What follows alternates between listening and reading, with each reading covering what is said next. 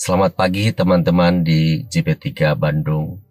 Hari ini saya ingin membagikan satu firman yang sederhana tapi saya rasa powerful yang terdapat di dalam Lukas pasal 9 ayat 1 dan 2. Di sini dikatakan ketika eh, Yesus memanggil kedua belas muridnya lalu memberikan tenaga dan kuasa kepada mereka untuk menguasai setan-setan dan untuk menyembuhkan penyakit. Dan ia mengutus mereka untuk memberitakan kerajaan Allah dan untuk menyembuhkan orang.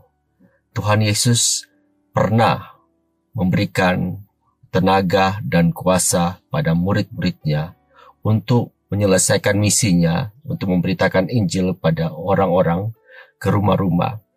Mereka diberikan tenaga dan kuasa.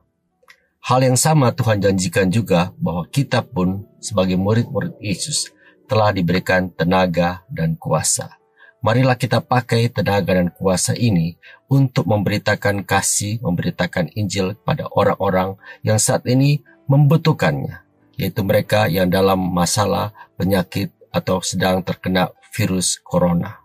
Kita bisa melakukan dari rumah, memberitakan Injil, dan juga bisa menyembuhkan dari jarak jauh dengan otoritas tenaga yang Tuhan sudah berikan. Percayalah, kalau kita punya tenaga dan kuas dari tempat yang maha tinggi, tidak ada yang akan membahayakan kita. Demikianlah firman Tuhan, semoga ini menjadi kekuatan bagi saudara-saudara, teman-teman, Bapak Ibu, saudara sekalian.